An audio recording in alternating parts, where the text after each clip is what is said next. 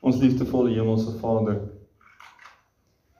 Vanaand kom ons en ons staan voor u heilige troon in die naam van ons Here Jesus. Yes. Ons kom met vrymoedigheid. Ons kom met nederigheid. Ons kom met die wete dat u die koning is van die heelal. Yes. Ons kom en ons vra vanaand Vader, wees ons barmhartig. Ons het U so nodig om ons harte aan te raak, om ons verstand te verlig met die kennis van wat dit is om te bid. Wat dit is om met U te praat. Heilige Gees kom en leer ons vanaand asseblief. Leer ons in hierdie kwartaal verander ons harte oor gebed, verander ons gedagtes oor gebed. En bovenal mag U verheerlik word, Vader, in die naam van ons Here Jesus. Amen. So gebed intersessie Ons gaan 'n paar vrae vra in hierdie ehm um, in hierdie les. En die heel eerste vraag soos julle sal sien, die titel is hoekom gebed? So die vraag impliseer dat sommige mense nie die belangrikheid van gebed verstaan nie of gebed nie belangrik ag nie. So ons moet dan gebed en hoekom ons bid belangrik maak en verduidelik. So julle sal sien in die notas tweede paragraaf van bo af gebed of intersessie Ons moet verstaan dat gebed 'n verhouding is. Dis die heel eerste punt wat ons wil maak vanaand. So as ek vir oom Matteus vra, wat sal oom sê wat is gebed? 'n Gesprek met God. Dis 'n gesprek met God. Pastor Louis, Kommunikasie wat deur 'n verhouding kom om ons mekaar ken. Jy waarskynlik dit ek het klomp verskillende tipes van gebed, maar ek dink as jy op 'n vlak is waar jy 'n verhouding met God staan, is die manier van ken en leer maar uit verhouding uit. So gebed is gefundeer op verhouding. So gebed is nie ek kom met my Kersfees lyfie na die Here toe nie. Nee, want dis hoe sommige mense oor gebed dink. Hulle dink dis me myself and I en uh, oom Derek Prins het hierdie hierdie gebed verduidelik waar hy sê weet die die man bid Lord I'm praying for me and my wife my son and his wife. Amen. This is nee nee dit werk nie so nie. So gebed is gebaseer op hierdie verhouding. So ek het net al geskryf dat gebed is 'n dialoog is 'n gesprek met God.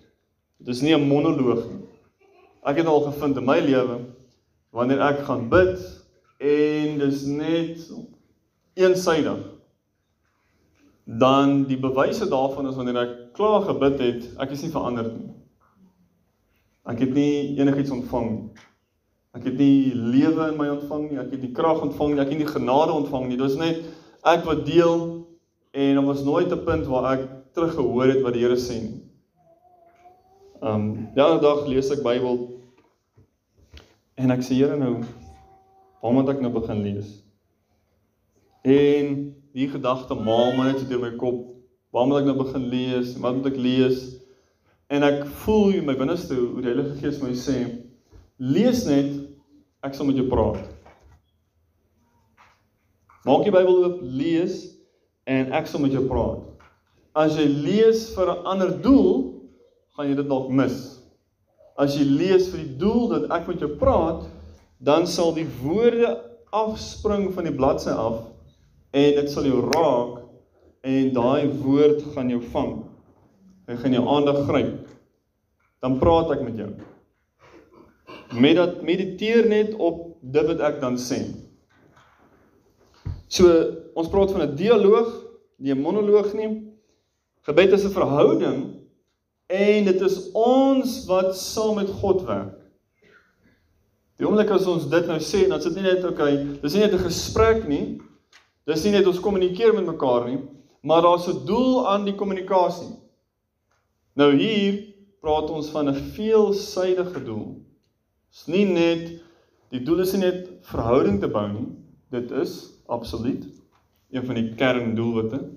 Maar die Here het 'n plan. En wanneer hy met ons deel, deel hy sy plan met ons en praktiese stappe omtrent daai plan wat hy dan wil hê ons moet saam met hom stem en dan proklameer. Amen. So dat dit is eintlik die hele les. Ons kan die res nou los. maar ons kan nie, ons gaan nou nou deurwerk dat ons kan sien hoe dit werk. So as jy kyk op die ek het eintlik die die notas nou so is dit dalk bietjie meer punt vir punt gedoen het, maar die 4de paragraaf wil ek graag hê ons moet daai stukkie lees. Dit sê baie dikwels het ons gebed net tot tot die punt verminder om te probeer kry wat ons van God wil hê. Dit is nie hoofsaaklik om te vra nie, maar om die wil en planne van God te laat geskied. So daai is die groot verskil. Gebed in 'n vleeslike menselewe is ek bid wat ek wil hê. En dan kom ek en dan sê ek nee, maar uh, regverdig ek my my gebed En ek sê nee maar dis mos nou belangrike goed hierdie. Die Here wil hê ek moet te werk en die Here wil hê ek moet kos en hy wil hê ek moet hierdie en hy wil hê ek moet daai en en dan maak jy 'n vleeslike gebed en dan projekteer jy dit op die Here se wil. In plaas van dis nou die met 'n eenvoudige voorbeeld van 'n vleeslike gebed, daar's daar's baie ander. Wanneer ons geestelik ingestel is, dan kom ons en ons sê Here, wat is u wil? En dan wag ons, ons lees, ons luister tot ons die wil van die Here ontvang en dan stem ons saam met die wil van die Here en dan bid ons dit. Twee dramatiese kontraste van gebed. Gebed soos ons gesê het, begin met gemeenskap met God. Nou wie van julle het al gehoor van hierdie oomie met die naam van Pieter Wagner? En die Loubet sê het al gehoor van hom. Pastor Louis, wie sou julle sê was hy?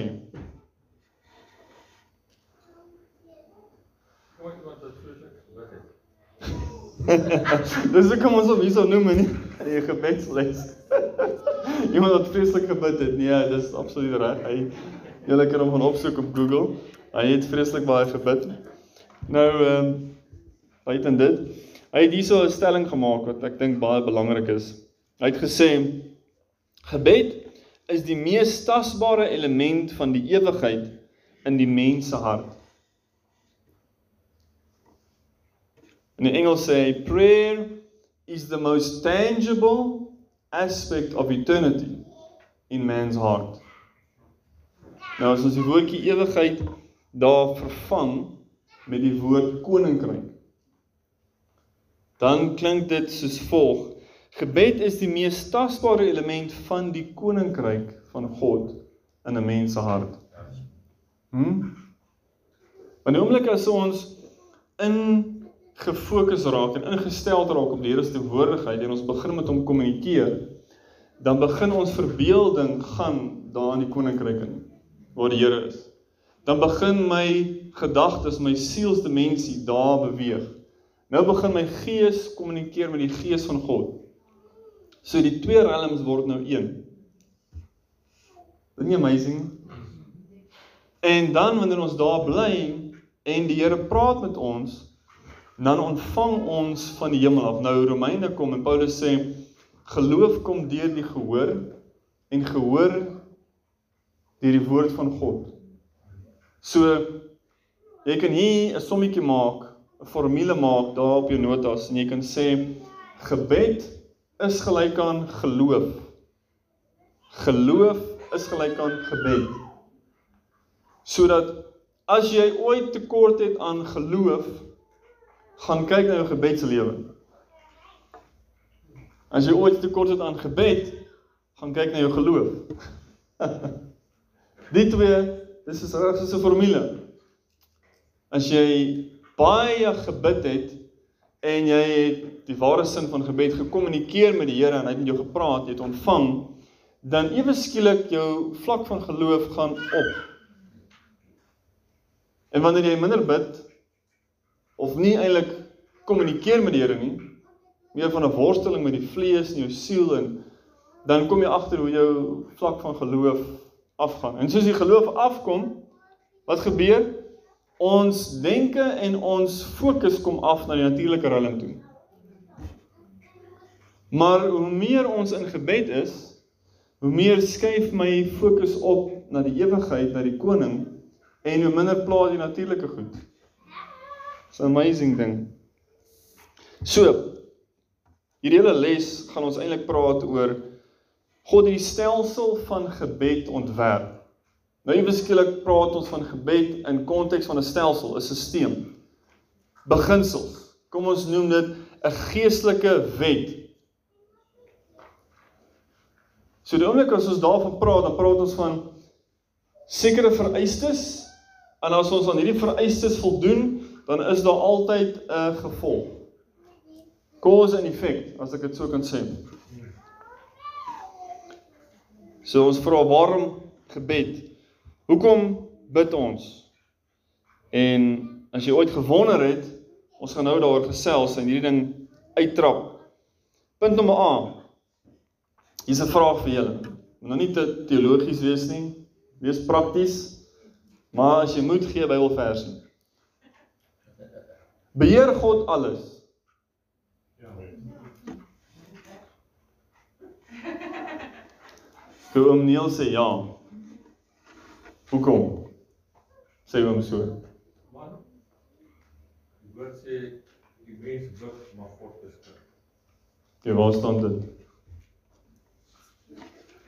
Woord is 3 vers 5. Nee, ek wil nog nie so op die spot sit nie, shame. Okay, so Neil sê God beheer alles. Genesis waar God die aarde geskep het. Skep Okay, so Corin sê omdat God is God is die skepper, daarom beheer hy alles. Enigiemand anderste?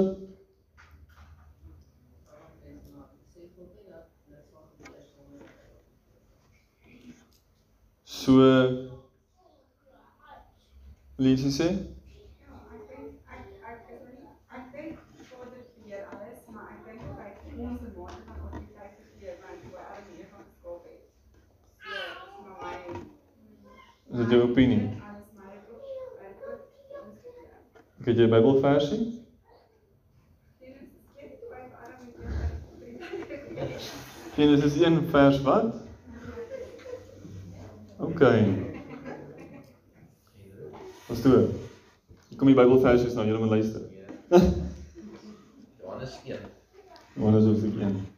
En die woord is so duidelik dat alles uit hierdie woord ontstaan wat God is, deur sy seun Jesus Christus wat woord is wat gespreek is.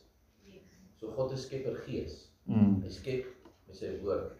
Maar God het nie net geskep en laat staan nie, hy bly nog steeds herskep en verander want die woord bly aanbeweeg, dit stop nie. Dit bly heeltyd lewendig. So deur die woord Christus wat geskep het, kom hy ook in die mens en hy skep en hy herskep en hy verander. Wat dan vir my sê dat as die woord dan geskep het, sal dit altyd bly skep en herskep en nooit ophou nie. Wat dit ook beteken is dis alles is onder sy gesag en autoriteit geplaas deur die woord Mhm. daai mm. beheer is, hy het nie geskep en dit gelos nie.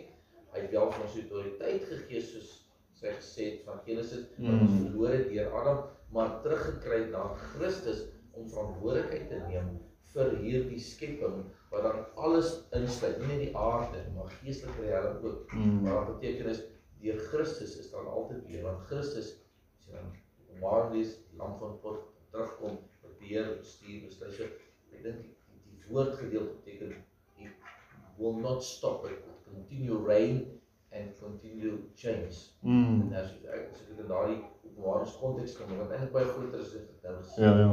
En jy lees in Kolossense dat God dan Presies. sê van hy is die reis plaas, hy skep, hy het gemaak en so is groot So so bring hierdie nou 'n gedagte as God 'n beheer is van alles, om Matteus. Melanie se stelling wat sy gesê daar. Genesis 1 vers 26. Laat ons mense maak na ons beeld, na ons gelykenis en laat hulle heers oor die visse van die see en die voëls van die hemel en die vee en oor die hele aarde en oor al die diere wat op die aarde kruip. So daar kom God en hy maak mens in sy beeld, na sy gelykenis en hy gee ons heerskappy, autoriteit oor die hele natuurlike realm. Nou wie is in beheer dan? God nog steeds. God nog steeds, maar hy het nou delegeerde autoriteit gegee, né? Nee? Ja. Hy is skepper God. Hy sê ek maak jou die mens om wat te doen? Om te heers. In watter manier?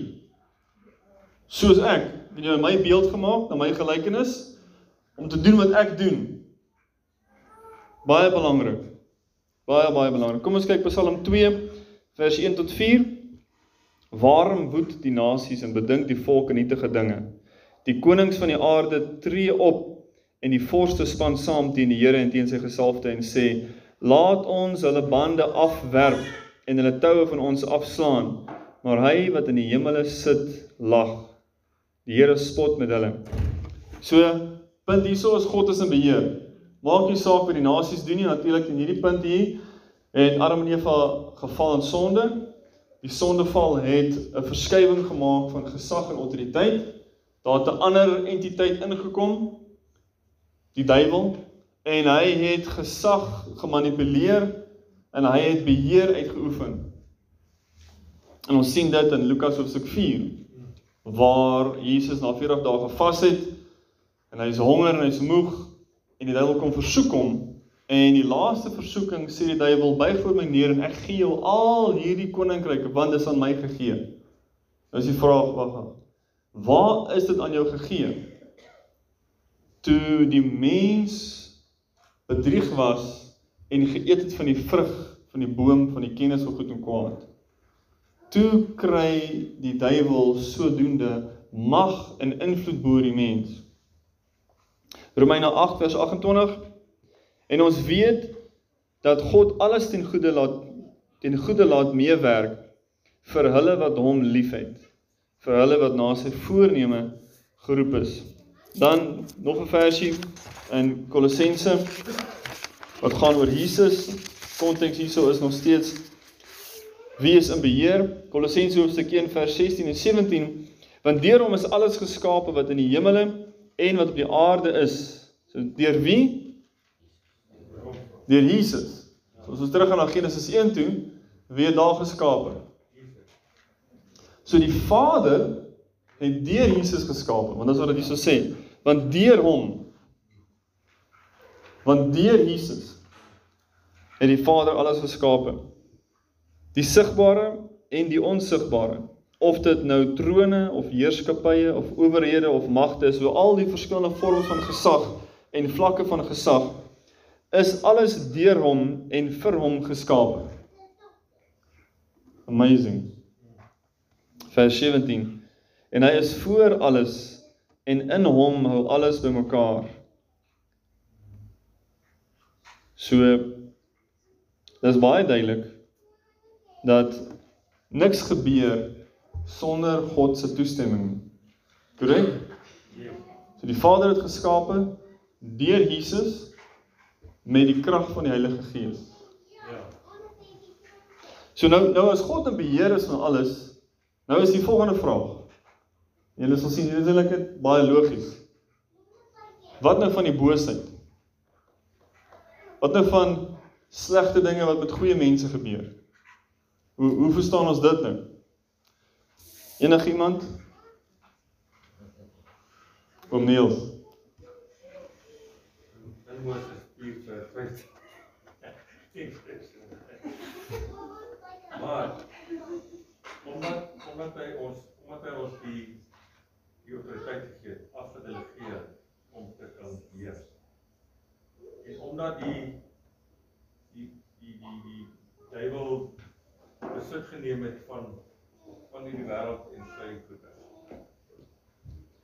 Al het Jesus aan die kruis gesterf jy nog steeds 'n keuse uitoefen om hom te volg. En as jy baie mense wil dit nie doen nie, dis is die wil nog steeds werksaam. So dis punt. Jy jy jy jy heers, maar, maar God laat toe wat goed gebeur. Mm. Spesifiek daarom jy is daar gestel om te kan heers oor die goed. So kan ons dan sê beskerming is nie outomaties nie. Nee.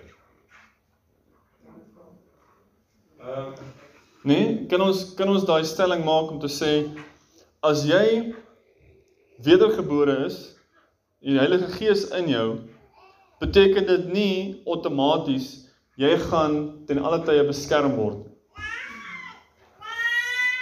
ek dink dit doen mits Okay. jy mits jy in Christus bly.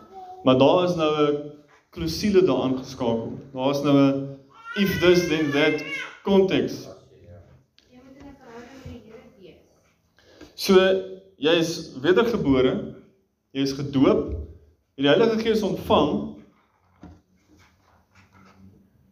Net dit alleen beteken nie jy gaan al die boosheid en al die moeilikheid ontsnap nie. Dit beteken nie moeilikheid kan nie oor jou pad kom nie. Dit beteken nie jy kan nie aangeval word nie. Jy word vereis deur die woord om in Christus te bly. Né? Nee? Ja. So daar is iets wat jy moet doen. Daar is 'n vervulling wat jy moet hê. Daar is 'n vereiste. Nou die beskerming, die die grootste beskerming is om in Christus te bly om nooit weg te val van hom af. Die einddoel van alle misleiding en aanval is altyd om jou weg te kry van Christus af. Die metode kan verskil. So jy kan deur moeilike tye gaan, jy's in Christus, maar jy gaan deur moeilike tye, maar die uitwerking van die moeilike tye bring jou net dieper in Christus. Nou as jy buite Christus, wedergebore gevul met die Gees, maar jy is vleeslik. Wat gebeur nou? Nou gaan jy deur moeilike tye en dit vat jou net dieper weg van die Here af. Dis die twee gevare hierson. So, Niels het gesê Moses sê dat die mens het 'n vrye wil. Nou kom ons kyk na hierdie stelsel. God het die volgende wette in plek gesit. Die wette van saai en oes. As jy goeie dinge saai, dan is daar iets goeds wat sal terugkom.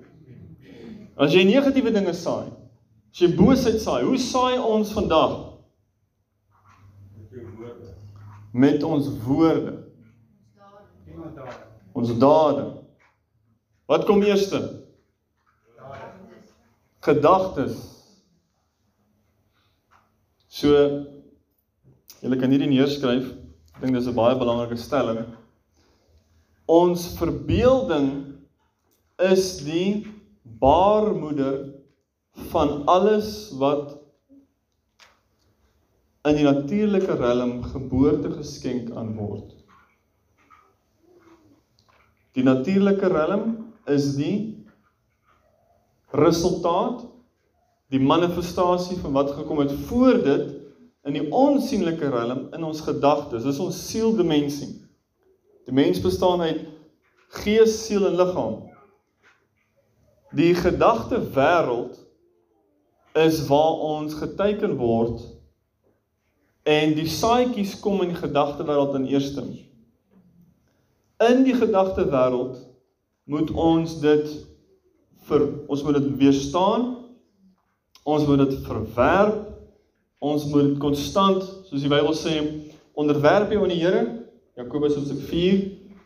Weerstaan die duiwel en hy sal van jou wegvlug. Onderwerp jou gedagtes, maak dit onderdanig aan wat die woord sê. Dan as die bose kom, dan kan jy onderskei. Hierdie ding is nie van die Bybel af nie. Hier is nie die beloftes van die Here nie. Hier is nie die Here wat so praat nie. Nou weerstaan ek dit. Ek sê nee. Ek haal aan wat die woord sê. Nou het daai gedagte weggegaan. As ek nie my gedagtes onderwerp aan die woord van God en wat die Here sê nie, dan kom daai gedagte en jy dink dit is net jy of is die omstandighede. En nou begin jy daai ding water gee. Jy gee hom vrugbare grond. En daai gedagtetjie word groter en groter en nader en word dit 'n vesting. 'n Vesting is 'n thought pattern, 'n gedagtepatroon. Jy dink so outomaties. So 5% van dit wat ons doen is kognitief. 95% van wat ons doen is die onderbewussyn, is jou gedagtepatrone wat gevestig word deur herhaaldelike aktiwiteit. Soos hulle sê in Engels, we are people of habit. Ons is mense van gewoonte. So ons skep konstant patrone en vestings in ons gedagtes wat is maak my wakker 2 uur die oggend en dan is ek outomaties in daai denkpatroon. Slaan jou vinger raak met die hamer daar in konsort se workshop dan kom jy haleluja uit.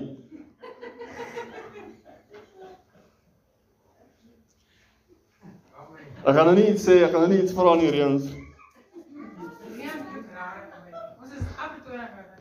nooit Halleluja. Sê daai haleluja kom definitief uit as daar 'n vinger raak slaan.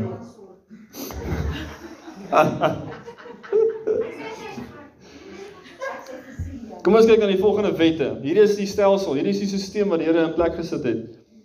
Wette van ongehoorsaamheid. Dis eintlik dieselfde as saai en oes. Dis net 'n ander kategorie van wat saai jy. Jy saai nou die doelbewuste keuse teen die Here. Ek kies nou om teen die Here te gaan. Nou gaan daar iets, daar gaan 'n gevolg wees. Wette van vergelding en dan natuurlik wette van vrye wil. So daar was hierdie Engelse gesegde wat sê evil only prevails when good men do nothing. Hm?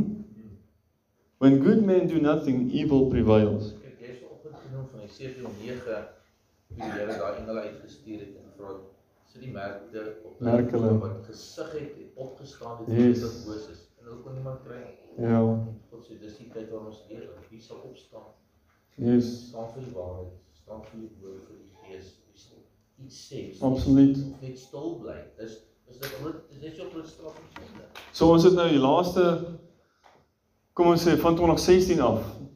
Dis nou al 7 jaar wat hierdie ding bou in die wêreld van fake news, misinformasie, van onderdrukking, censorship. Dit het gebou met Donald Trump toe hy president geword het. Toe is al hierdie goeters wat rondgaan om hom te, te diskrediteer. Al hierdie fop nuus die Russian collusion en toe sit hierdie hoax en daai hoax en die social media het saam met dit gegaan. En toe 2020 kom, toe kom COVID. En toe COVID kom, toe gebeur dieselfde ding net erger. Né? Nee? Mag jy sê dit nie elke keer as jy iets post daarso dan flag hulle jou op social media en hulle sê vir jou hier is valse inligting. En nou kom dit uit al daai goed wat hulle gesê het valse inligting is eintlik die waarheid gewees. Hæ? So hierdie aanval op wat ons sê en wat die waarheid is wat ons sê. Jy weet, ek dink aan die einde van dae in die volgende paar jaar gaan die waarheid die mees waardevolste kommoditeit word ooit. 2018 het ons die wêreld 'n skuif ondergaan. Min mense het dit seker raak raak besef, ek het nie eens besef nie. 2018 toe gaan daar gaan die wêreld van olie as die wa mees waardevolste kommoditeit na inligting, data. Toe is die data verkope meer as al die olieverkope in die wêreld. En data is inligting. So wat is die mees waardevolste inligting onder al die inligting? Die waarheid. Dis wat die mees waarde waardevolste is, is die waarheid. Dit wat iets beteken vir jou. Dit wat jou ewigheid beteken. En dit is onder meer en meer 'n aanval as nog ooit tevore. So die waarheid. Ek het 'n mooi versie lees aansluit wat hier Efesiërs hoofstuk 1 is vers 2 dan sê wat hy gewerk het en in Christus hom in die dood opgewek het en wat sit het aan die regterhand in die hemele bo alle owerhede en mag en krag en heerskappye en elke naam wat genoem word nie alleen in hierdie wêreld nie maar ook toekomstige en hy het alle dinge onder sy voete onderwerp En hom as hoof oor alle dinge aan die gemeente. Amen. Christus heers oor alles na die opstanding, deur die krag van sy opstanding. Amen. Amen. In die opstanding van van die Here was daar 'n nuwe skepping wat plaasgevind het. Yes.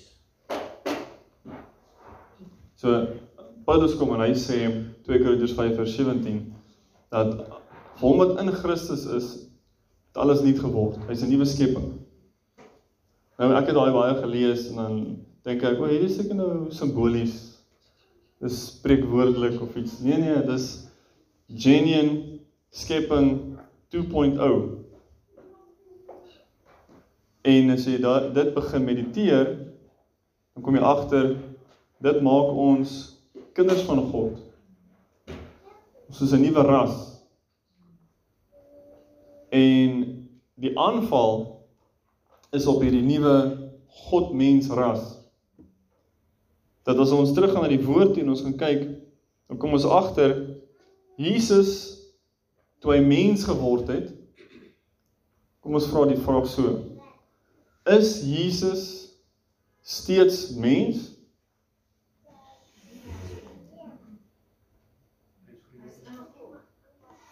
Dis so Korien sê het jy Bybelversie Korien?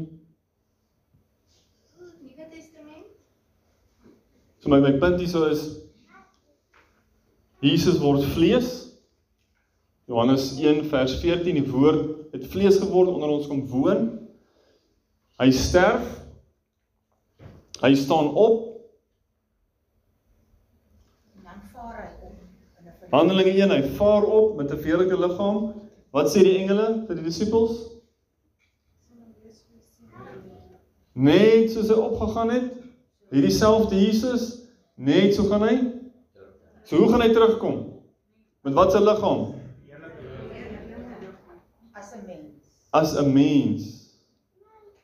My punt hier is Jesus toe hy vlees geword het, het homself gebind aan vlees en bloed vir altyd. Hm? It's amazing. Die Here het homself deel gemaak van hierdie skepping. Dis net amazing. So ons sien hierdie sisteme wat God in plek gestel het. Die wette van saai en oes, ongeregtigheid, vergelding, vrye wil, die loon van die sonde en die dood, dit is 'n wet volgens volgens die Bybel. So dit is baie duidelik dat God ken die einde van die begin af. Hy het hierdie stelsel in plek gesit. Hy is 'n beheer daarvan, maar omdat hy vrye wil in plek gesit het, nou het hy homself gebind aan mens wat moet kies wat hy wil hê om saam met hom te werk. Andersins sal God se plan nie hier geskied nie. Terug aan Genesis 1:26. Ek het die mens gemaak in my beeld, my gelykenis en toe sê hy heers oor hierdie aarde. So as God dit gedoen het, het hy gesag gedelegeer en gesê hierdie area is julle gesag, is julle area. Julle kan hier doen dit wat ek wil hê julle moet doen. Maar nou kan hy nie ons wil oorskry nie. Hy moet samewerking met ons wil hê. Dis waar gebed inkom. Punt B. Soos jy afgaan. So hoekom dan bid? As God in beheer is van alles, en ek wil dit so stel soos wat mense daar buite dink. Die einde van dae is nou hierso. Dit gaan net boser en boser word en so hoekom moet ons bid dat meneer Ramaphosa moet gered word en dat dinge sal verander hierso en dat die koninkryk kan vorentoe gaan? Dit gaan ons net slegter word. Wie het so gesê? Het jy al daai redenasie gehoor by mense? Gister en kyk dan wil ek Wat se wat wat se wêreld het jy groot geword dat jy so dink? Dit is ongelukkig baie van ons kerke se standpunt as dit kom oor die einde van dae. Slegter en slegter en slegter en slegter. En ag, dit is so sleg. Nee wat, ons doen ons eie ding hierson. Ons bou ons eie koninkryk. Ons bou ons eie kerkmodel of wat ook al. Nee, die Bybel sê ons het gesag ontvang en dit wat ons sê, dit wat ons proklameer, wat ons bid, dit sal so word. En dit wat ons van die Here af ontvang, wat hy vir ons sê om te doen, die opdrag, wanneer ons dit bid, dan sal sy Gees kom en dit bevestig. Amen. So hoekom dan bid? As God en beheer is van alles, want kom ons blaai om na bladsy 3 toe bo. Want die doel van gebed is om God se doelwitte en planne op aarde te laat geskied. Jy sien twee verskillende denkpatrone hier. Denkpatroon nommer 1 sê God is in beheer van alles. So nou why bother pray? Is dit nie? Hy is mos nou beheer van alles. Hoekom moet ek nou mos nou bid? Maar kyk, as ek wil hê, nee, dan bid ek. Jy weet daai wil vra op daai ding en daai ding en jy weet jy daai ding nie vergeet van daai nie. Die Bybel sê mos dit bestaan op 37 vers 4. Verlustig jou in die Here en so gee. O, hierdie is 'n begeerte op my hart. Ek bid vir hierdie ding, Here. Jy sien daai ding. En dan bid ons vir dinge. Maar ons bid vir dinge met hierdie gedagtepatroon. Die Here se beheer vir alles. Nee, hy sal uitsorteer daai buurman wat nie koud is nie. Hy sal daai uitsorteer, jy weet. Die Here is mos beheer vir alles. Hy sal dit doen. Want daai siele, jy daai vraag gevra oor profesie. As God dit gesê het, dan is dit mos nou so. Ongelukkig kyk ons na daai profesie met hierdie passiewe denkpatroon van God het gesê en dit gaan so wees. Hy het nie my nodig nie. Waar as ons kyk na profesie as God se uitnodiging vir my om deel te word van sy plan. Hy sê ek het hierdie plan met jou lewe. Natuurlik, heel eerstens onderskei, waar is dit die Here gewees of het jy maar net te veel pizza geëet, weet, ons moet heel eers onderskei. En dit deur bid vir onsself met die Here. En dan as die Here vir ons duidelik maak hier is sy wil, dan vereis dit my deelname. Korrek? Ja. Andersins is dit net Here het so gesê en ek sit agteroor en ek kyk movie en eet pizza en elke dag sê ek net, nee, die Here het mos gesê ek gaan so en so doen, jy weet, en dan kry mense 10 jaar later kom hulle uit en sê hulle vir jou, ja, maar daai ding het nooit gebeur in my lewe nie. Wat het jy nou mee gemaak? Nee, jy sien, die Here het mos so gesê, so ek gaan gaan my lewe. As dit is, hey, hoe dink jy? Dink jy die Here gaan jou wil breek? Gaan jou 'n robot maak? Jy weet, Wi-Fi jou net wat? Nee. Hy kommunikeer met ons baie eenvoudig. En hy sê vir ons, dis wat hy wil hê.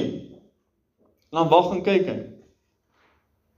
En baie keer sal die Here soos 'n Jona. Die kinders het na die Jona storie gekyk al by die huis voor ons gekom het. En Here sê vir Jona, Jona gaan doen hierdie ding. En Jona sê, "O nee, hy wil van die Here hoor, maar hy wil nie daai hoor nie." En Jona gaan aan die ander kant toe.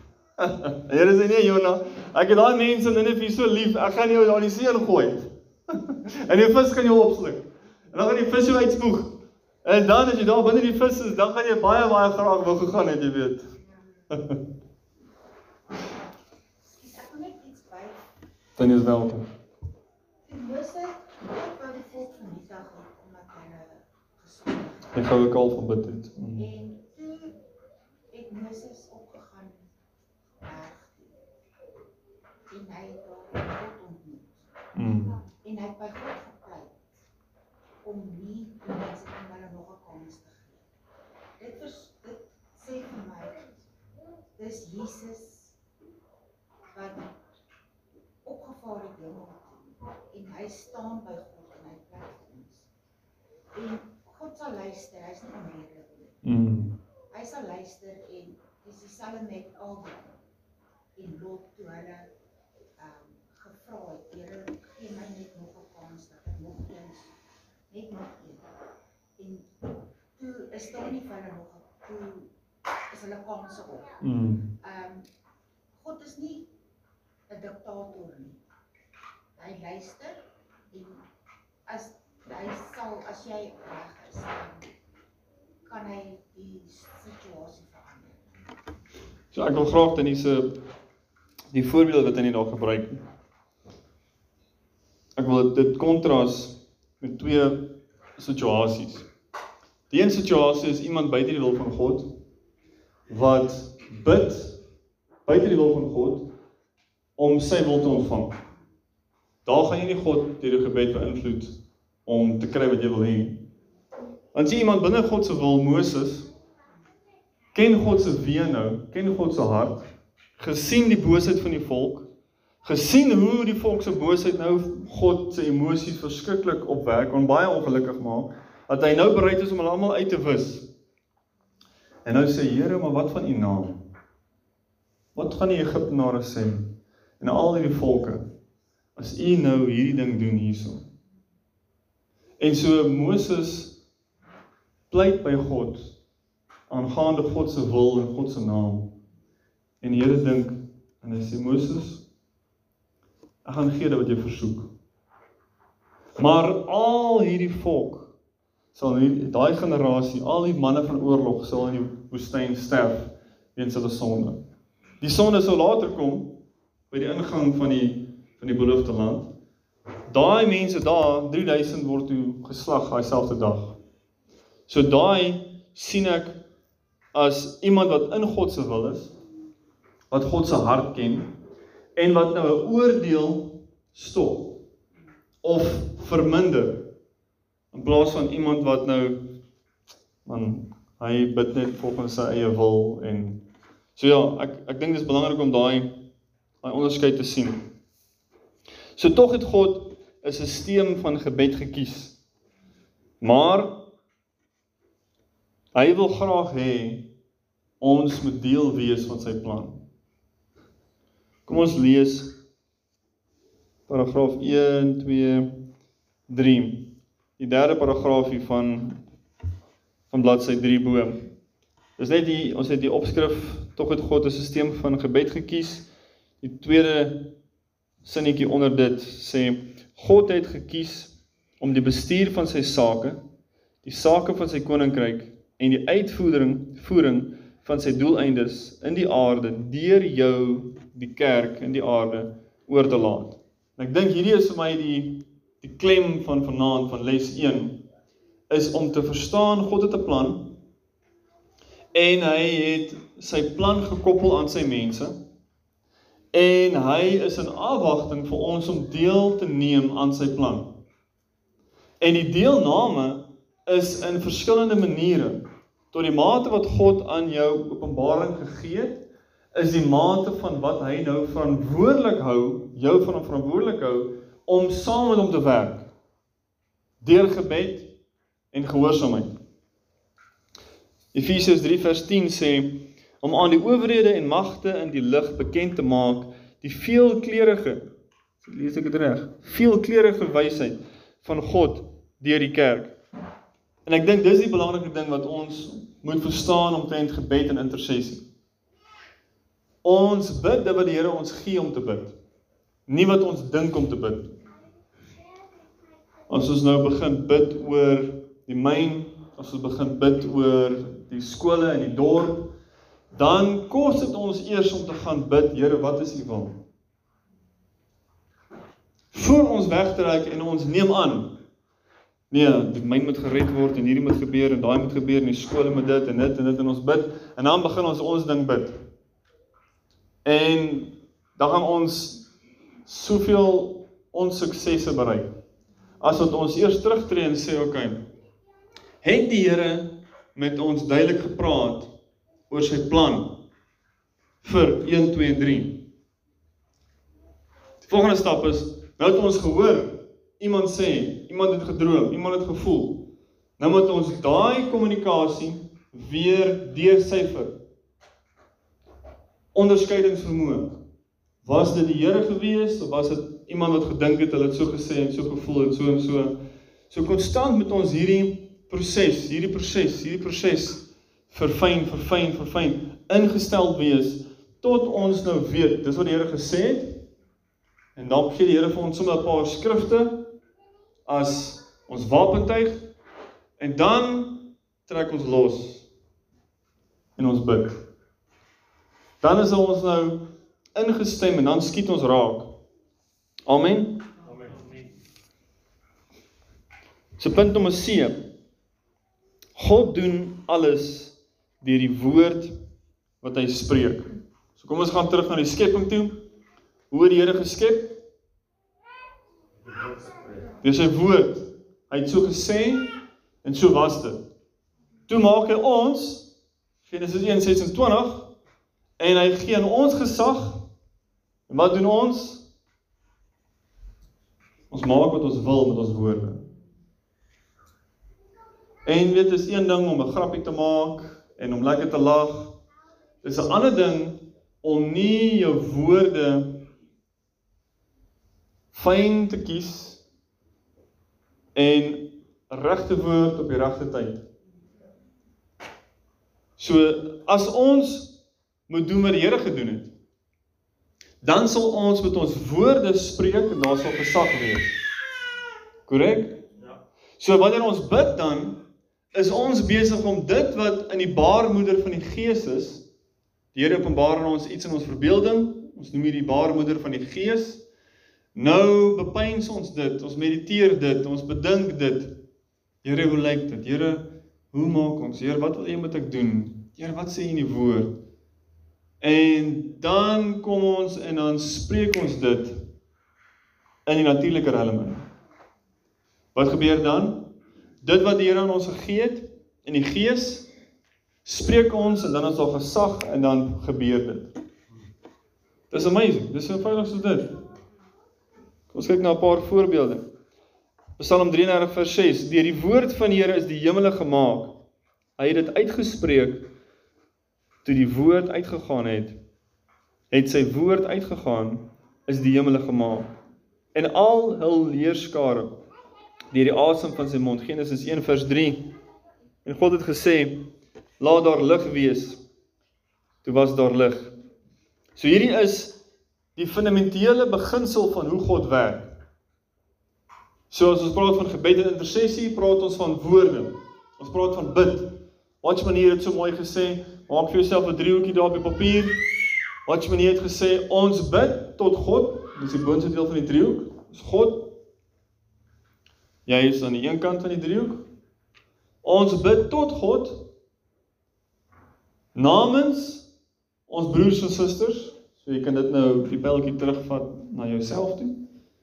Teen die duiwel. Die oomblik as die Here sy plan openbaar aan jou, gaan jy teenkant kry.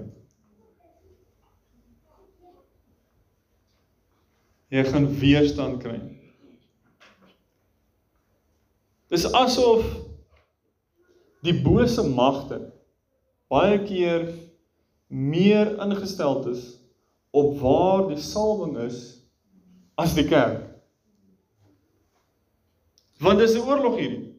So hulle herrangskik hulle magte, hulle linies om daar aan te val daar waar God beweeg sodat hulle die grondgebied verloor. So jy moet jouself indink. Nou wil ons indruk om te hoor wat sê die Here oor Barberton, oor die myne, oor die skole. En doemelik as ons dit doen, dan is ons besig om hierdie hoofweg in die hemel in oop te maak. En as ons teruggaan na Daniël 10 toe, Toe Daniël gebid het en hy het gevas vir daai 3 weke, wat sê dit? Engel Gabriël kom toe na hom toe op dag 21 en hy sê vir hom: "Van die eerste dag af, toe jy aangesig fokus op die Here en jy bid, het die Here jou gehoor, het hy my gestuur en toe is ek in 'n geveg vir 20 dae lank om deur te breek op die 21ste dag. En nou kom ek en ek gee vir jou die planne van God. En nou kan Daniël daai planne van God vat. Hy kan dit skryf en hy kan dit bid. Amazing dat die Here bind ons aan sy plan. Hy bind hom aan ons. Sodat sonder ons samewerking die planne van God nie kan geskied nie. So ek wil hierdie tweede laaste paragraaf op bladsy 3 onder lees. Ek dink dis net net amazing. Dus Hierdie is 'n fundamentele beginsel van hoe God werk. Ons noem dit die weë van God. Hy skep deur die gesproke woord. Hy praat en dit is gedaan. Nou kom ons tot die hart van gebed. Want wanneer God kies om iets te doen, word dit aan sy mense oorgedra wat dit vervolgens in bestaan praat. Ken jy daai skrif in Amos Amos hoofstuk 3 vers 7 en 8 wat sê die Here Here doen niks tensy hy tensy hy dit openbaar aan sy diensknegte die profete. So ons almal wat die gees van God ontvang het, is onderstel om 'n koneksie met God te hê. En daai verbintenis, daai verhouding met God is veronderstel om so aard te wees dat ons kan hoor van hom. Korrek? En wanneer ons dan hoor en ontvang, dan openbaar die Here sy plan vir jou lewe. So baie keer dan sê mense, "Nee maar, wat is my bediening? Wat is wat is my bediening?" Weet, toe ek jonger was, toe was dit daai ding gewees. Wat is my bediening? Wat is my bediening? Almal wil nou bediening goed.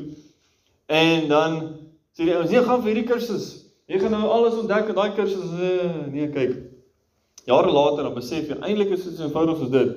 Gaan op jou knieë en gaan bid. Ek so eenvoudig soos dit? Nou as jy so 'n bietjie sukkel, sit die TV af vir 'n week. As jy nog 'n bietjie sukkel, gooi vas in. Want jy is besig om al die invloede in die sielsdimensie stil te maak en stil te maak en stil te maak. In die ou dae My ma se dae, nie my ou dae nie. In die ou dae was dit mos daai telefoon wat jy so gedraai het. En dan het jy al die skakelborde met tuinies gehad. En dan was maar altyd so in die agtergrond. Ons noem dit die die noise to signal ratio.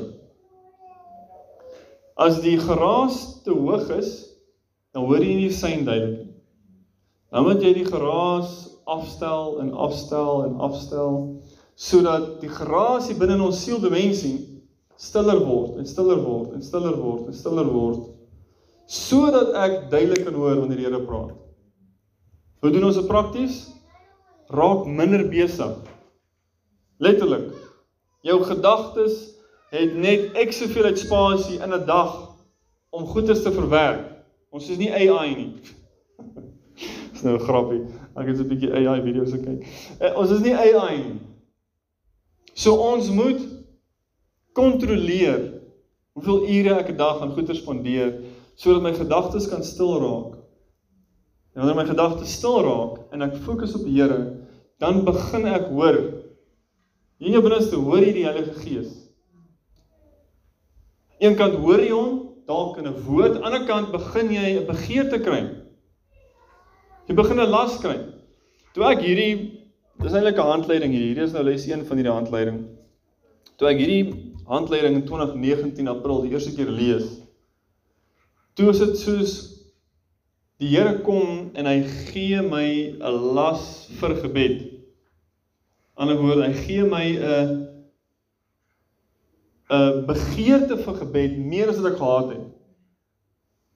Soos ek kon nie beskryf waar kom dit vandaan nie. Ewe skielik begin ek net so begeerte kry om te bid. Elke dag, elke dag meer tyd in gebed te spandeer as op ander goeters.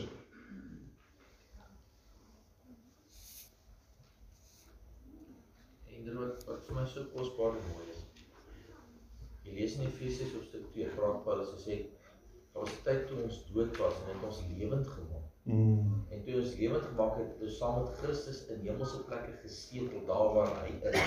Met ander woorde, ons autoriteit het verander in die gesag wat hy sê spreek. Mm. En dan kom Spreuke 23 en hy sê as a man thinketh so he is. Jakobus praat van die tong wat hy sê, wat hy spreek, dit sal so word wat ons saai in ons maai. Dit kom dan deur in gebed op van uit wat se autoriteit en posisie bid ek. Amen. Want ek staan in verhouding met God en ons het ook gesê sodat God sy sy wil kan bevestig en doen op hierdie aarde soos hy lank deur die profeet al deur die woord gesê het Mm. En as ek en jy nie in lyn met dit kom nie, gaan hy iemand anders sou, maar wanneer ek in Christus gesetel is in die hemel, ek besef wat is die autoriteit en die gesag wat God vir my gegee het Mm. saam met Christus. Maar wanneer ek bid en praat, dan gebeur goed want dit is in die geestelike riem as I speak so it will be autoriteit en gesag maar in lyn met God se plan en God se wil. Mm. So ons verstaan nie altyd waar sit ons in autoriteit en wat beteken Mm. ons gebed? Wat beteken ons spraak? Amen. Ek meen as jy oor jou kinders bid. Ons het hierdie gesien ek en Lani ons het eendag nog 2 maande terug, my liefie. Dis ons in die kamer en ons het 'n ding gelees van 'n vrou wat ek dink was 'n boek oor ouerskap of iets wat sy gesê het sy het net bely die dinge wat sy spreek oor haar kinders wanneer sy ongelukkig raak en hulle stout is en sulke goeters en ons het daai ding gevat en gesê Jesus maar okay ons was nou al baie keer kwaad vir die kinders en geïrriteerd met hulle en kom ons bely voor die Here dat ons is jammer opreg dat hy dit wat gesê is wat skade gedoen het sal wegwas en genesing bring en dat daai woorde nie reg kan wees vir die bose om mag te hê en invloed te hê in ons kinders lewens. So daar gesit, gebid, opgestaan van daai oomblik af was die huis anders te gewees. Amen. So so onmiddellik. En dit is die punt hier van hierdie stelsel van gebed. Ons begin die koninkryk van die hemel, die geestelike wêreld se stelsel. Dis 'n koninkryk. Daar's reëls, regulasies, ordes. Ons begin dit verstaan en as ons dit begin verstaan en toepas, dan begin daar effek kom. Dan begin dinge verander. Kom ons blaai om na bladsy 4 toe.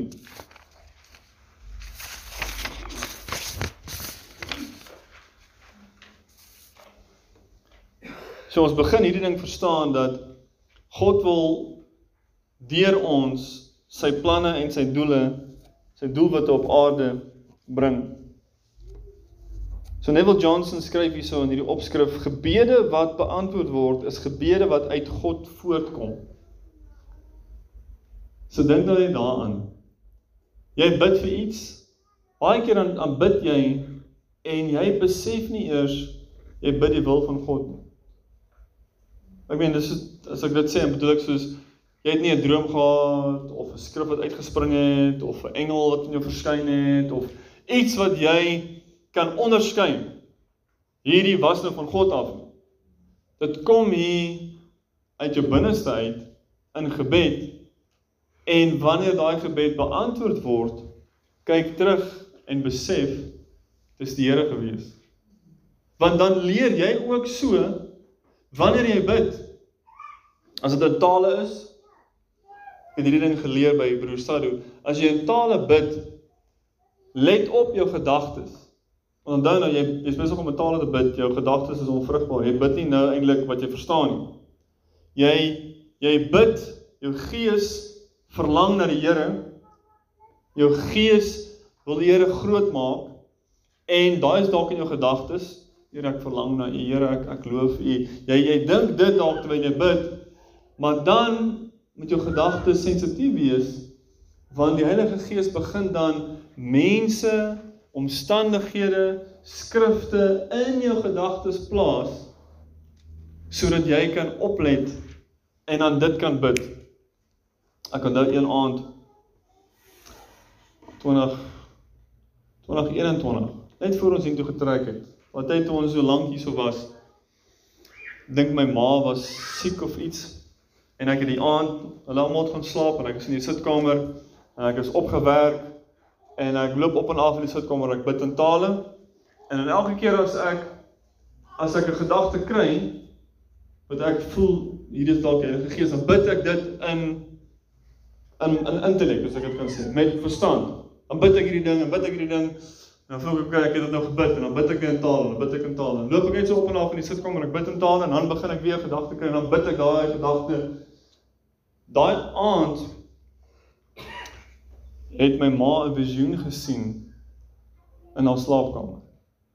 Die volgende oggend toe sy wakker word, is sy gesond en sy sê vir my: "Nee, sy het hierdie hierdie ding gesien. Die Here het daar verskyn." Sy het sy gesig gesien. En sy het iets beleef. En die volgende oggend sy gesond. Toe besef ek toe ek daar gebid het in tale wat die Here vir my gewys het en wat ek gevoel het toe ek dit bid in verstand, is ek besig om 'n kanaal te wees vir die Heilige Gees. Jy weet, in witchcraft en in die occult noem hulle dit mos nou 'n medium wat 'n channel maak. Channeling the spirits. Dis dieselfde eintlik ding, dis dieselfde ding julle. Hulle wil connect met demone en dit wat die demone en die geeste vir hulle sê, stem hulle mee saam. Hulle doen dit net baie meer aggressief as wat ons doen. En tog het ons die nuclear warheads en hulle die pea shooters. En die pea shooters wen. Pragtig, julle. Kyk. Kyk, ons het werk om te doen. Kom ons kyk 1 Johannes 5 vers 14. En hierin het ons vrymoedigheid by hom dat ons dat as ons iets vra volgens sy wil, hy ons hoor. Daai woordjie vrymoedigheid is so belangrik. Wanneer jy na die Here toe gaan en jy voel jy het nie vrymoedigheid nie, dan vat 'n stapie terug en begin met bekering. Begin net om te sê Here, vergewe my asseblief. En wat ook al die Heilige Gees in jou gedagtes bring, lê dit net neer en bely dit. Want Hebreërs 10 vers 19 tot vers 21 sê dat dis deur die bloed van Christus wat ons gewete gereinig word sodat ons vrymoedigheid kan hê. Vrymoedigheid kom deur besoedeling. Jammer, die die die wegneem van jou vrymoedigheid kom deur besoedeling. Wanneer ons iets gekyk het of ergens gekuier het of iets en jy jy voel vuil, dan daai vuil laat jou vrymoedigheid weggeneem word. Jou boldness toward God word weggeneem deur shame of guilt, condemnation. Psalm 37 vers 4. Die die regte weergawe van hierdie versie sê en verlustig jou in die Here en hy sal jou gee die begeertes van jou hart. Word een met hom Johannes 15. Geniet hom. Sy planne, sy wil, sy liefde, wie hy is. En dan sal hy vir jou die begeertes gee van jou hart. Dis nie net jy weet ek sê in die Here en nou soek ek net goeders nie. Johannes 15 vers 7. Hier is 'n 'n kragtige versie as dit kom by intersessie. Jesus sê vir sy disippels: "As julle in my bly en my woorde in julle." Kom ons stop daar. Jesus se woorde, sy planne in ons. Hoe bly die woord in jou? Jy bedink hom. Filippense 4 vers 8. Paulus sê bedink alles wat goed is en mooi is en lieflik is en wat ook al deeg en lof daarin is, bedink die dinge van bo. Dan hou ons die woord van God in ons, Jesus se woorde in ons en dan sê hy wat ook al jy vra in my naam, dit sal ek vir jou gee. Jesus sê dit twee keer in Johannes 15. Twee keer sê hy dat as ons in hom bly, dan sal ons vra wat ook al ons wil en dan sal ons ontvang. Ek dink daai is daai is so amazing. As ons in hom bly, dan kan ons vra net wat hy wil hê, wat ons wil hê. So gebed is om saam met God te werk om te weet wat God beplan het. En ek dink hier is die ding waar Romeine 12 so belangrik is. Romeine 12 vers 1 kom Paulus en hy sê ek vermaan julle broeders by die ontferminge van God dat julle julle liggame sal stel as 'n lewende en heilige en aan God welgevallige offer. So dis die verloon jouself deel eerste sê. Dan sê hy en word nie gelykvormig aan hierdie wêreld nie, maar word verander deur die vernuwing van julle gemoed, gedagtes, jou denke sodat ons wat kan doen? So ons kan beproef wat die goeie, welgevallige en volmaakte wil van God is. Jy sien, ons wil nou bid wat God se wil is, maar daar's iets wat ons keer. Sê Paulus. Dit is onderskeidingsvermoë. Beproef. Wat beïnvloed jou onderskeidingsvermoë? Hoeveel jy jouself wil neergelê het? En hoe werk dit? Dis daai lewendige offer. Dis daai Matteus 16:24. Jesus sê, as jy my disipel wil wees, verloon jouself. Jesus, dan is dit soos kyk, kyk daai een is 'n is dit hulp nodig met daai een. So dis die kruis. Ons moet mediteer.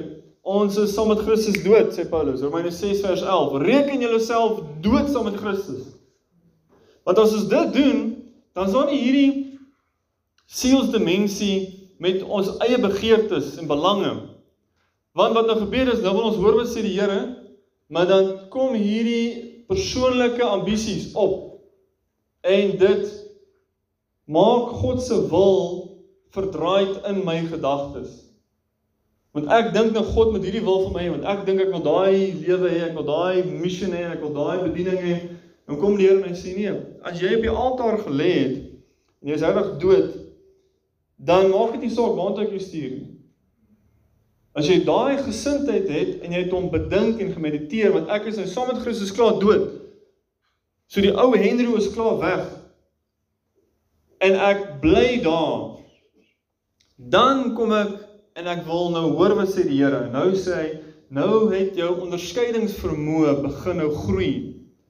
Jy begin nou beter hoor wat sê die Here oor die goeie wil, die welgevallige wil en dan die bullseye, die volmaakte wil. Want ons kan die goeie wil bid en die Here sal dit vir ons gee. Dis die buitehof. En dan sê die Here, okay, as jy verder soek, dan sal ek jou die welgevallige wil gee, die binnehof. Maar as jy my volmaakte wil soek, dis die allerheiligste. En dis wat ons wil wees. Maar daar is 'n proses om daar te kom. En dis daai onderskeiding en die verandering en die vernuwing van ons gemoed. En wat keer dit? Dis daai begeerlikheid vir die vlees en om onsself neer te lê. So daar's 'n duidelike proses vir ons om daar te kom om God se plan te weet en aan dit te kan bid. Die tweede laaste paragraaf sê dit so mooi.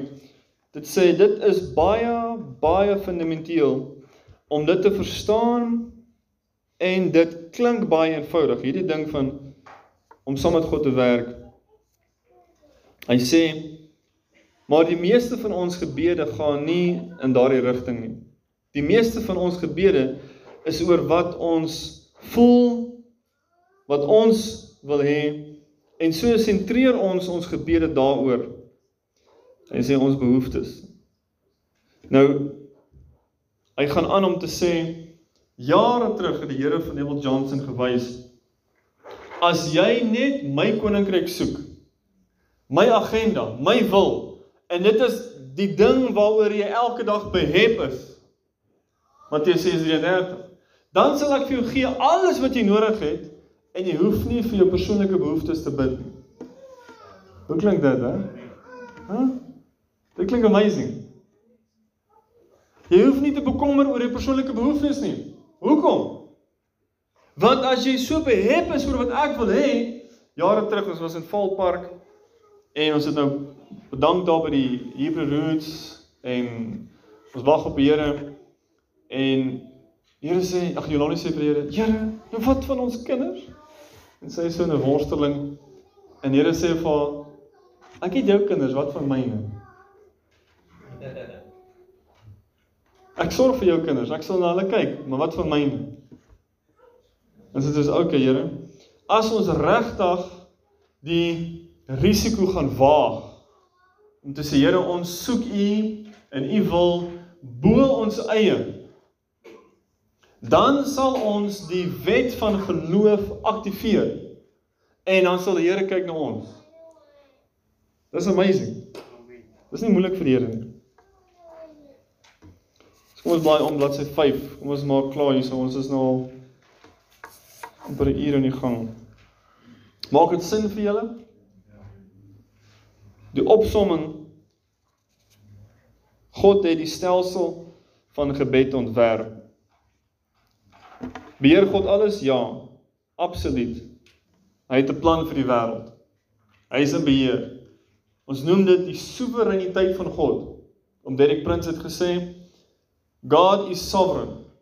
What does that mean? He does what he wants, when he wants, how he wants, and he asks no one's permission.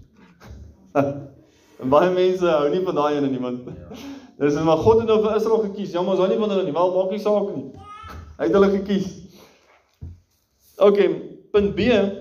As God dan beheer, beheer is van alles, hoekom moet ons bid? sien die logiese gevolg hierson?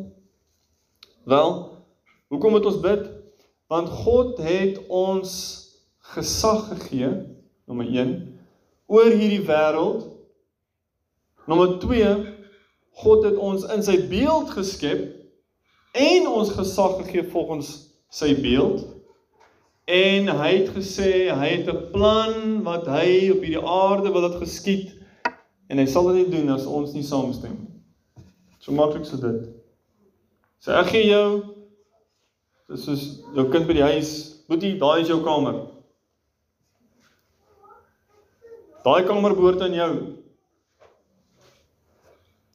Maar jy moet hom so en so maak want dis pappa se plan. Nou moet boetie saamstem.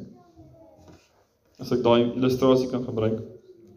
Punt C God doen alles deur die woord wat hy spreek.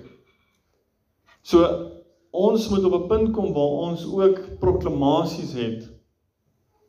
Wat is 'n proklamasie? Jy vat 'n skrif, jy maak dit jou eie.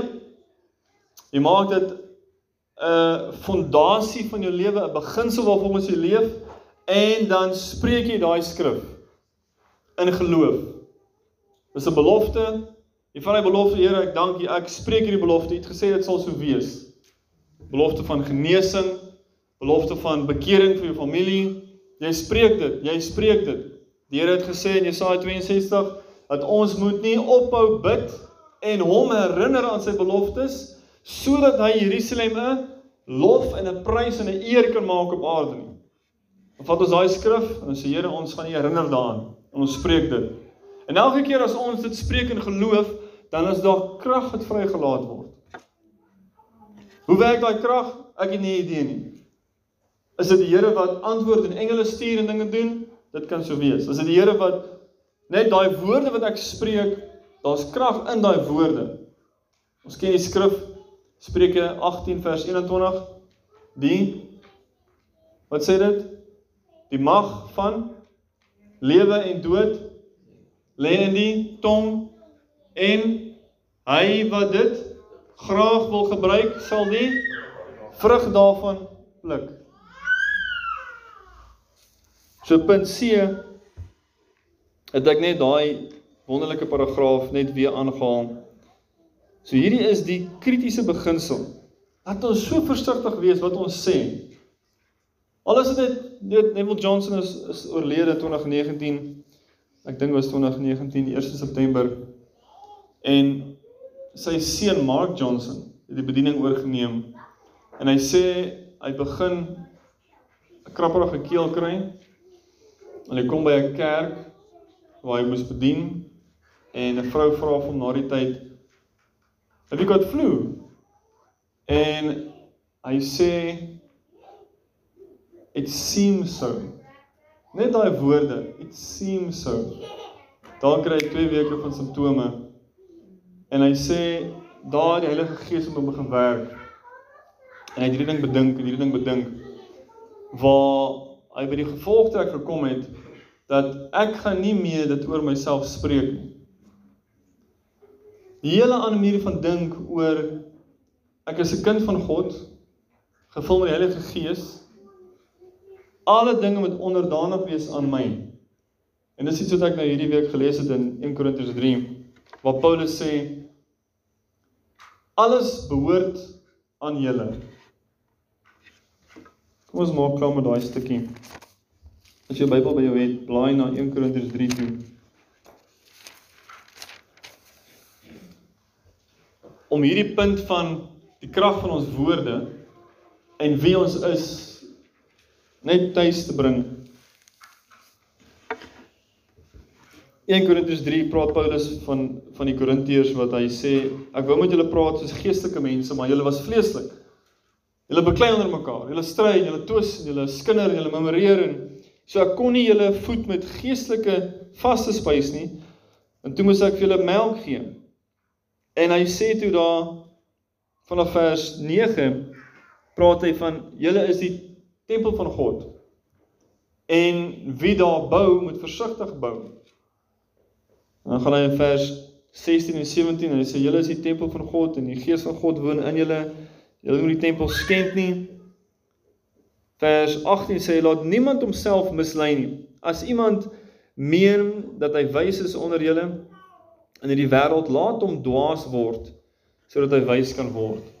Die wyse mense tree soms soos dwaas op want die wat hulle beskou as dwaas is wêrelds.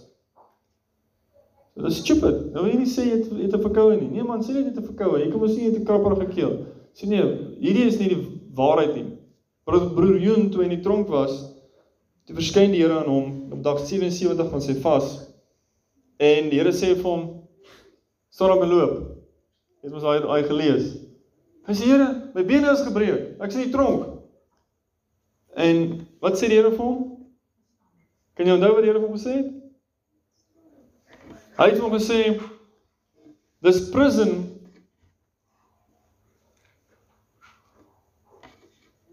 Hy het hom gesê jy is in die tronk, you are in jail. But the truth will set you free. Dis die werklikheid is nie dit wat jy sien en wat jy voel nie. Die werklikheid is ek is die waarheid en die gees is die werklikheid. Die hele ander manier van dink. Vers 19 sê want die wysheid van hierdie wêreld is dwaasheid by God. Want daar is geskrywe hy wat die wyse mense in hulle lustigheid vang en verder die Here ken die gedagtes van die wyse mense. Dit is dat dit nietigheid is.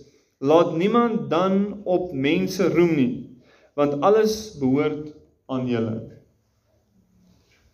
Of dit Paulus is of Apollos of Cephas of die wêreld of lewe of dood of teenswoordige of toekomstige dinge, alles behoort aan julle. So ek sluit af met daai om bietjie te herkou. Wat beteken dit as alles in ons behoort en ons is 'n nuwe skepping? Ons is die kinders van God. Die kinders van 'n hoër skepping.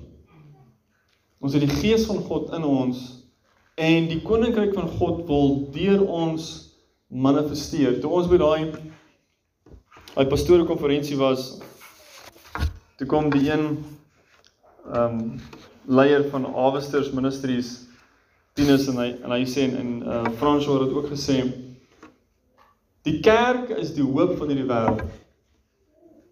Toe dog ek ag nou, ek moet nou 'n bietjie daai ding my proses met my proses. Jesus is die hoop van die wêreld. Ja. Maar Jesus het gesê jy moet gaan na alle nasies toe en die koninkryk verkondig. Paulus het gesê, hoe sal hulle glo as iemand hulle nie vertel nie? So jy moet Jesus wees op hierdie aarde en deur jou moet Jesus die hoop van die wêreld wees. Amen. Kom ons staan en bid ons. Ons sê dit sê. Ja, asseblief. weet julle staan, ek wil net ietsie deel, dit is maar net op iets het net goed gekry, jammer. En ek wil net gehoorsaam. En ek ek dink dat dit vir julle sê, julle sal dit verstaan. Nie dat die ander dit verstaan nie, maar baie keer sê goed sekere goed op sekere tye vir sekere mense.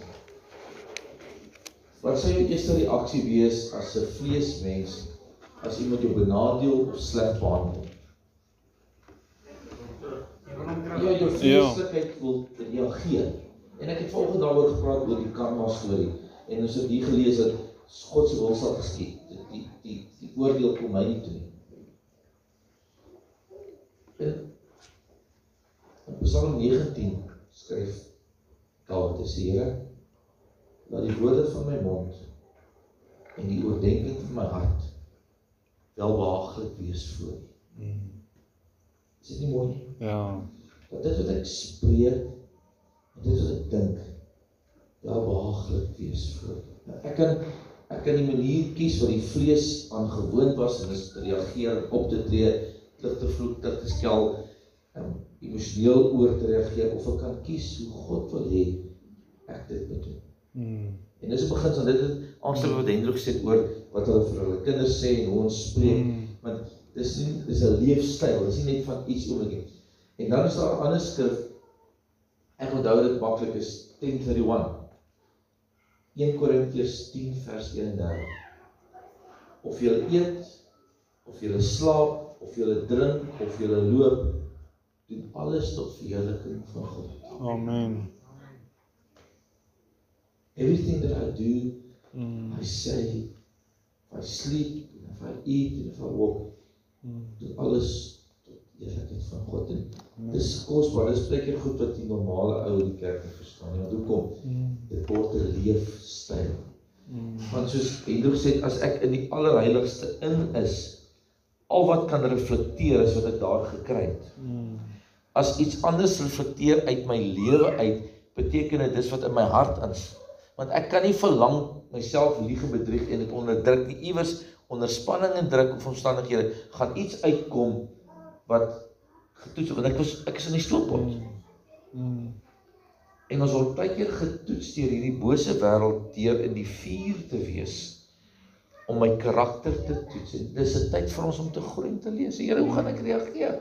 Hoe gaan ek praat? Hoe gaan ek optree? En so mooi wat die Here sê, sê wat hulle aan julle doen, het hulle alreeds aan my gedoen. Hulle haat julle omdat hulle my haat. Hulle gee julle pak slaag want hulle wil my eintlik pak slaag gee. Hulle is vir julle kwaad en is eintlik vir my kwaad. Mm. En ek ek vertrou regtig die Here, ek is nog nie daar nie. Sê Here, wanneer ek onder druk geplaas word, laat laat U uitkom. Mm. As ek vervolg word, laat U karakter uitkom. Mm. In plaas van vervloek, laat ek dit seën, Mm. want ek sal vrug daarvan kry. Dit is wanneer ek dan gesetel is saam met hom in die hemelse plek, die koninkryk van God wat deur my gereflekteer word na hierdie wêreld, dan word die kerk die hoop van hierdie wêreld.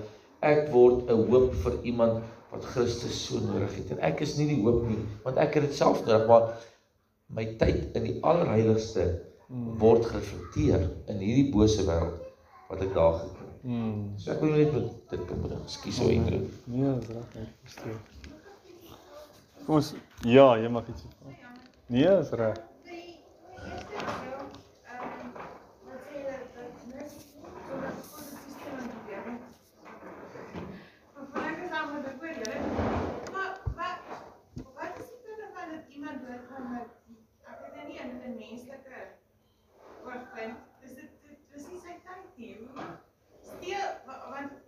Met jy wil jouself troos nou aan jou, okay, dis dis die is. Ek wil jouself aan troos nie die duiwel het kom steel. So, maar wat is wat is van ek het 15 16 jarige seentjie en 'n mamma van wat wat 40 of 20 dit is.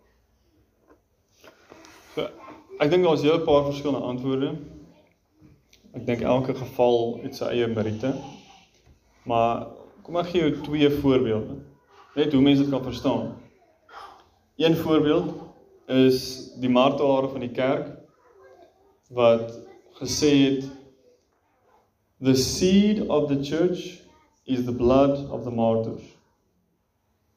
Hoe verstaan ons dit? Jesus sterf onskuldige persoon sterf 'n uh, krimineel se dood. Sy bloed word die losprys vir die hele geskiedenis van mensdom die wat uitroep vir vergifnis. So die oes van Jesus se saad van sy lewe is die redding van die wêreld. Korrek. Die eerste gelowiges en tot vandag toe gelowiges wat bereid is om te sterf vir Jesus. Sommige sterf regtig en sommige het hulle lewens neergelê deur om die roeping te vat en daardeur sterf hulle aan hulle self. Die oes wat daar uitkom is die koninkryk van God wat vorentoe gaan. Nou het ons die geval ek meen ek gaan net hierdie storie vertel van van broer Sadu. Ek het hierdie gehoor 'n vrou van hulle bediening in Nigerië. Sy was betrokke daar met die jeug en sy het 'n 5-jarige seentjie gehad. Nou nou het ons 'n vrou van God betrokke om die wil van die Here te doen. En haar seentjie raak siek. Hulle gaan dokter toe. En die dokter gee die verkeerde medikasie en die seentjie gaan dood. OK, 5-jarige seentjie. Baie ek meen traumaties. En daai storie kom by broer Sadu uit in Indië. En spesifiek die vraag Hoe verstaan ons dit? Hoe hoe hoe laat die Here dit toe? Dis soos wat gaan hier aan? En hy bid toe ook en hy vra die Here, wat het hier gebeur? Hoe hoe gebeur dit? En die Here sê vir hom dat daai seentjie se lewe was 'n saad gewees vir 'n groter oes. Dis omdat ons so vleeslik is in ons denke net oor hierdie lewe. Dat hierdie lewe vir ons alles is dat as iets gebeur in hierdie lewe wat baie tragies lyk, dink ons, hoe kan die Here nou 'n plan hê met dit? Ons sien nie dat daar's 'n ewigheid, daar's 'n koninkryk, daar's 'n gees wat uit daai liggaam uitkom en daai gees bly lewe en daai gees is gekoppel aan daai persoon uit 'n roeping. Daai roeping gaan nie weg as hy sterf nie. Dis bietjie verby ons verstaan. Dis sê die Here vir vir vir, vir broer Saru. Daar gaan 'n oes kom van daai seun se lewe. En 2 jaar later is daar 'n massiewe herlewing en groot bekering onder die jeugbediening wat daai vrou het. Nou dit vat nie die pyn weg nie, dit vat nie die verlange weg nie, maar dit bring perspektief oor daar's iets baie groter aan die gang as wat ons dink. En as ons daar kan leef, dan help dit om hierdie dinge te verwerk. Dit is al wat ek kan sê. OK, kom ons staan.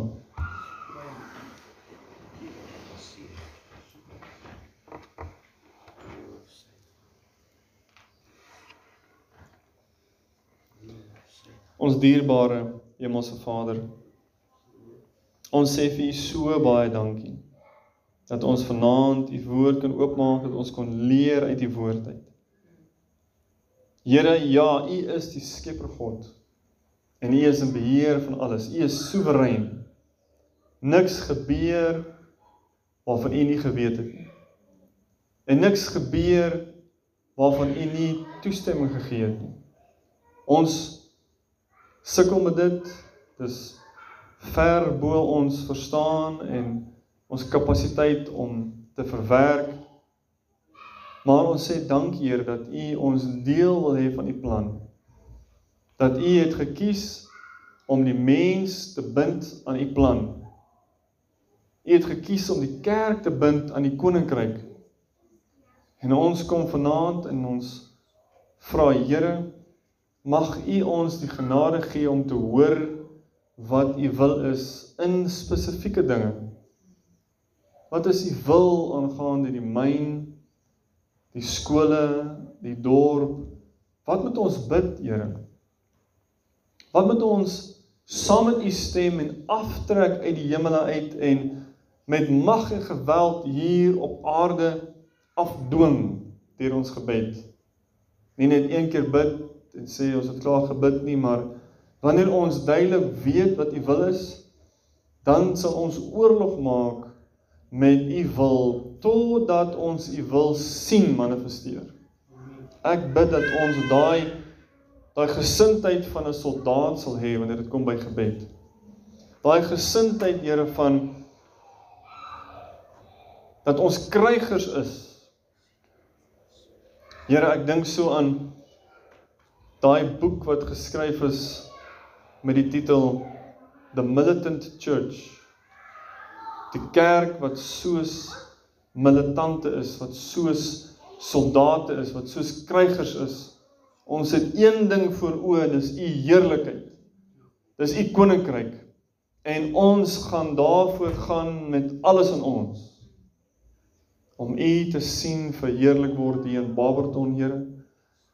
Ek vra dat U sal kom Heilige Gees en vir ons hierdie dinge oop sal breek en ons harte sal roer om bidders te word in klein dinge en groot dinge elke dag, Here. Help ons om te sien dit wat ons begeerte wegvat van gebed af dat ons dit kan neerlê. Here help ons om daai vlees en ons eie begeertes neer te lê sodat ons gedagtes vernuwe kan word om te kan beproef wat is die goeie, welgevallige en volmaakte wil sodat ons meer kan weet wat u wil is en dit kan bid, Here. En daarvoor is ons nodig om stil te word, Here. Stil te word in ons gedagtes. Elke dag tyd te vat om stil te word. Here, sodat u met ons kan praat. Ons het vanaand gelees en gesê dat om te bid gebou word op die fondasie van 'n verhouding met U om U te ken. En ons kan U nie ken as ons U nie kan hoor nie. So ek vra vanaand Vader 1 Johannes 5 het gesê wanneer ons vra volgens U wil dat ons vrymoedigheid en dat ons weet dat U ons gaan antwoord. En dis my gebed vanaand dat U ons oë van ons verstand sal verlig. Elkeen van ons wat hier staan. Die oë van ons verstand sal verlig. Soos wat Paulus sê in Efesiërs hoofstuk 1 vers 17 sodat ons kan weet wat is die hoop van die roeping. Christus in ons, die heerlikheid in ons. Ek vra Here gee ons 'n las van gebed Gee ons die genade om te bid, Here. Nie net 'n 5 minute gebed nie. Nie net 'n 10 minute gebed nie, maar 'n leefstyl van gebed bid ek. Elke besluit, elke dag, Here, dat ons in kommunikasie met U sal wees. Soos brother Lawrence gesê het, practicing your presence. Net ons gedagtes en ons harte sal sal stel op U, sal fokus op U ingesteldheid, Here, vir U teenwoordigheid. En ek vra Here dat deur hierdie 10 weke wat ons gaan mediteer en praat en leer oor gebed en intersessie, dat ons nie net sal leer nie, maar dat ons sal groei. Dat ons sal beleef. Dat ons sal begin bid vir mekaar, dat ons sal begin bid vir ons families, dat ons sal begin bid vir die dorp, die myn, die skole en dat in hierdie 10 weke ons sal sien hoe u koninkryk deurbreek. Dat ons sal sien hoe ons verander, Here. Dat ons sal sien van heerlikheid tot heerlikheid en van genade tot genade. Want dit is u wil, Here. Dis u wil dat ons sal word soos wat u is. Dis u wil dat ons u duideliker sal hoor. Dis u wil dat ons u duidelik sal sien. Help ons, Here, asseblief. Help ons om te kan stil word en met u te kan gesels om U te kan aanbid. Here, mag U verheerlik word. Mag hierdie aand en hierdie Bybelstudie reeks U verheerlik is my gebed. In die naam van ons Here Jesus. Amen. Amen. Kan kan kan ek vra dat ons net